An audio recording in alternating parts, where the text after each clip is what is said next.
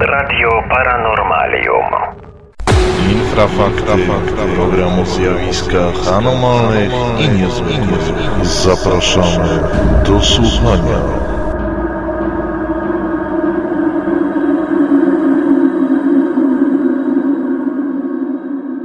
Witam w programie Infrafakty o zjawiskach niezwykłych i anomalnych. Mówi Michał Kuśnierz, dzisiaj ze mną jest Piotr Cielebieś. Witaj. Witam tradycyjnie. Ja również. A dzisiaj powiemy o znalezisku w Meksyku, które ma odnosić się do roku 2012. Jak też o zagadkowej czaszce znalezionej w Peru i o procesie związanym z UFO w tle, który ma miejsce w Niemczech.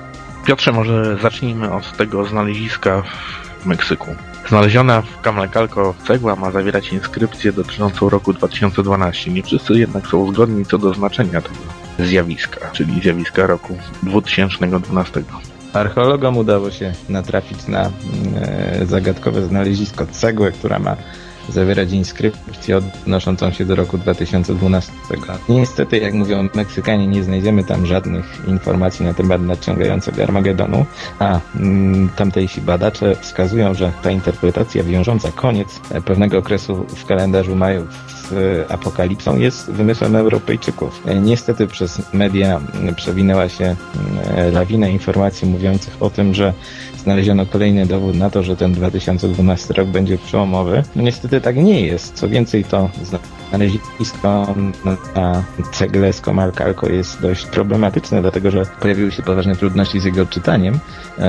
Jeżeli ktoś przeczytał w internecie lub usłyszał w mediach, że znaleziono coś, co wskazuje, że wydarzy się jakaś katastrofa, to jest to kłamstwo. Polecamy zapoznać się z pewnym materiałem na naszej stronie, który mówi w jaki sposób Majowie podchodzili do sprawy końca kolejnego baktuna, kolejnego okresu w ich kalendarzu. Tak, teraz temat jest dosyć gorący, wiele osób się tym interesuje, także zachęcamy do zapoznania się właśnie z tym, o czym Piotrze mówiłeś, a trochę trzymając się tego tematu jeszcze powiedzmy parę słów o tym, o wiadomości, jaka jakiś czas temu się pojawiła, o odnalezieniu e, dziwnego szkieletu, znaczy w zasadzie to była mumia, e, która zawierała taki dziwny szkielet, e, miało to miejsce w Peru. Dlaczego dziwny? Dlatego, że był bardzo mocno zdeformowany, przede wszystkim chodzi o czaszkę a temat tajemniczych czaszek też jest bardzo popularny. No właśnie, szybko okrzyknięto, że jest to czaszka kosmity ze względu na swój dziwaczny, gruszkowaty kształt. Szybko okazało się jednak, że prawa tam ma bardzo krótkie nogi i w rzeczywistości jest to zdeformowana czaszka e, indyjskiego dziecka. Nadano jej taki kształt dlatego, że mm, e, takie były powiedzmy uwarunkowania kulturowe, czy nawet swego rodzaju moda. My wiemy, że wiele ludów e, Ameryki, czy też na przykład Hunowie deformowali swoje czaszki. Tutaj było tak samo. Przypomniał nam się oczywiście inny przypadek e, tak zwanej czaszki gwiezdnego dziecka i tutaj w tym tygodniu mieliśmy premierę polskiego wydania książki mm, Lloyda Pye pod tytułem Najbardziej zagadkowa czaszka. Wydało ją wydawnictwo Cień Kształtu z Warszawy. My za tydzień spotkamy się z wydawcą tej książki, panem Mikołajem Jaszczemskim, który przybliży nam kwestię właśnie tutaj tak zwanej czaszki gwiezdnego dziecka, którą poddano bardzo szczegółowym badaniom, które wykazały równie interesujące szczegóły, także zapraszamy. Natomiast co do tutaj różnych tajemniczych skamielin z Ameryki Północnej i Południowej, to przychodzi mi na myśl jeszcze sprawa słynnego Pedro, czyli takiej miniaturowej mumii, o której kiedyś pisaliśmy. Ona również została uznana za no, swego rodzaju pozostałość po jakimś tam humanoidzie, jakimś Karle, na pewno nie człowieku. Wkrótce jednego okazało się, że Pedro był tak naprawdę e, zmumifikowanym wcześniakiem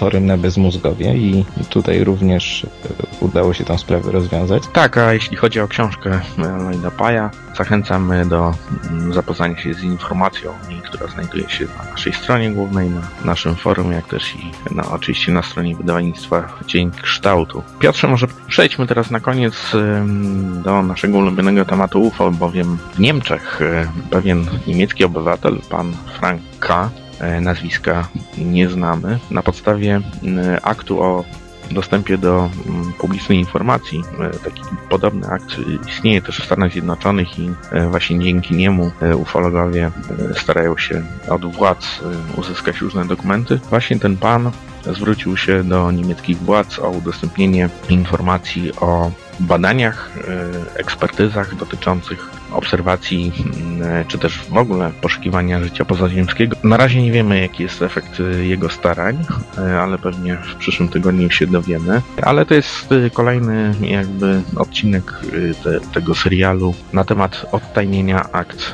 UFO z którym mamy do czynienia już od dłuższego czasu w wielu krajach i też w Polsce czasem się pojawia ten temat i też o tym żeśmy mówili już e, kilkukrotnie. Było to dokładnie tak, że ów obywatel zażądał, aby mm, rząd odtajnił pewną ekspertyzę dotyczącą badań nad zjawiskiem UFO. Do tej pory owe dokumenty pozostawały niedostępne dla większości obywateli. Sprawa miała się rozstrzygnąć w berlińskim sądzie administracyjnym. Z pewnością nie będzie to coś, co nam powie, czy UFO istnieje, czy nie, ale będzie na pewno jakimś tam ciekawym dodatkiem. Mm, e, Jeżeli zaś chodzi o inne kraje, które odtajniły informacje o UFO, to oczywiście Wielka Brytania, to oczywiście Dania, a także wiele innych. Niestety z tych dokumentów nie dowiadujemy się ni- ni- niczego szczególnego. To znaczy są tam tysiące stron, natomiast brak wniosków. Jedyny wniosek, jaki można wy- wyciągnąć, to mm, taki, że mm, 90% z pewnością się da wyjaśnić, a jakiś tam mały procent się nie da wyjaśnić. I spodziewam się, że jeżeli cokolwiek tutaj w przypadku Niemiec wydostanie się na światło dzienne, to również będzie to taki dwuznaczny materiał. Dlatego, że UFO mm, jakby nie było, nadal pozostaje ogromną zagadką i mm, z pewnością są jednostki, które zajmują się analizą tego typu zjawisk. Cały problem polega jednak na tym, że jest to zjawisko całkowicie nieuchwytne z tego też powodu tajemnicze i osobiście jestem tego zdania, że mm, rządy, które często oskarża się o to, że przechowują informacje lub ukrywają je przed opinią publiczną, same nie wiedzą o tym prawie nic. Tak, natomiast o mm, tej sytuacji w Niemczech będziemy na pewno informować w kolejnym wydaniu Infrafaktów. Ja zachęcam do zapoznania się ze wszystkimi tymi materiałami, o których żeśmy mówili na naszej stronie www.infra.org.pl, jak też i na naszym forum paranormalne.eu. I na naszym forum można też spotkać osoby, które rzeczywiście są zaangażowane. Zachęcam do dyskusji, zachęcam do udziału w naszych czatach, które zazwyczaj odbywają się w weekendy, piątki, soboty, niedzielę w godzinach wieczornych. Dziękuję Piotrze za udział. Ja również dziękuję. Do usłyszenia w kolejnym wydaniu Infrafaktów.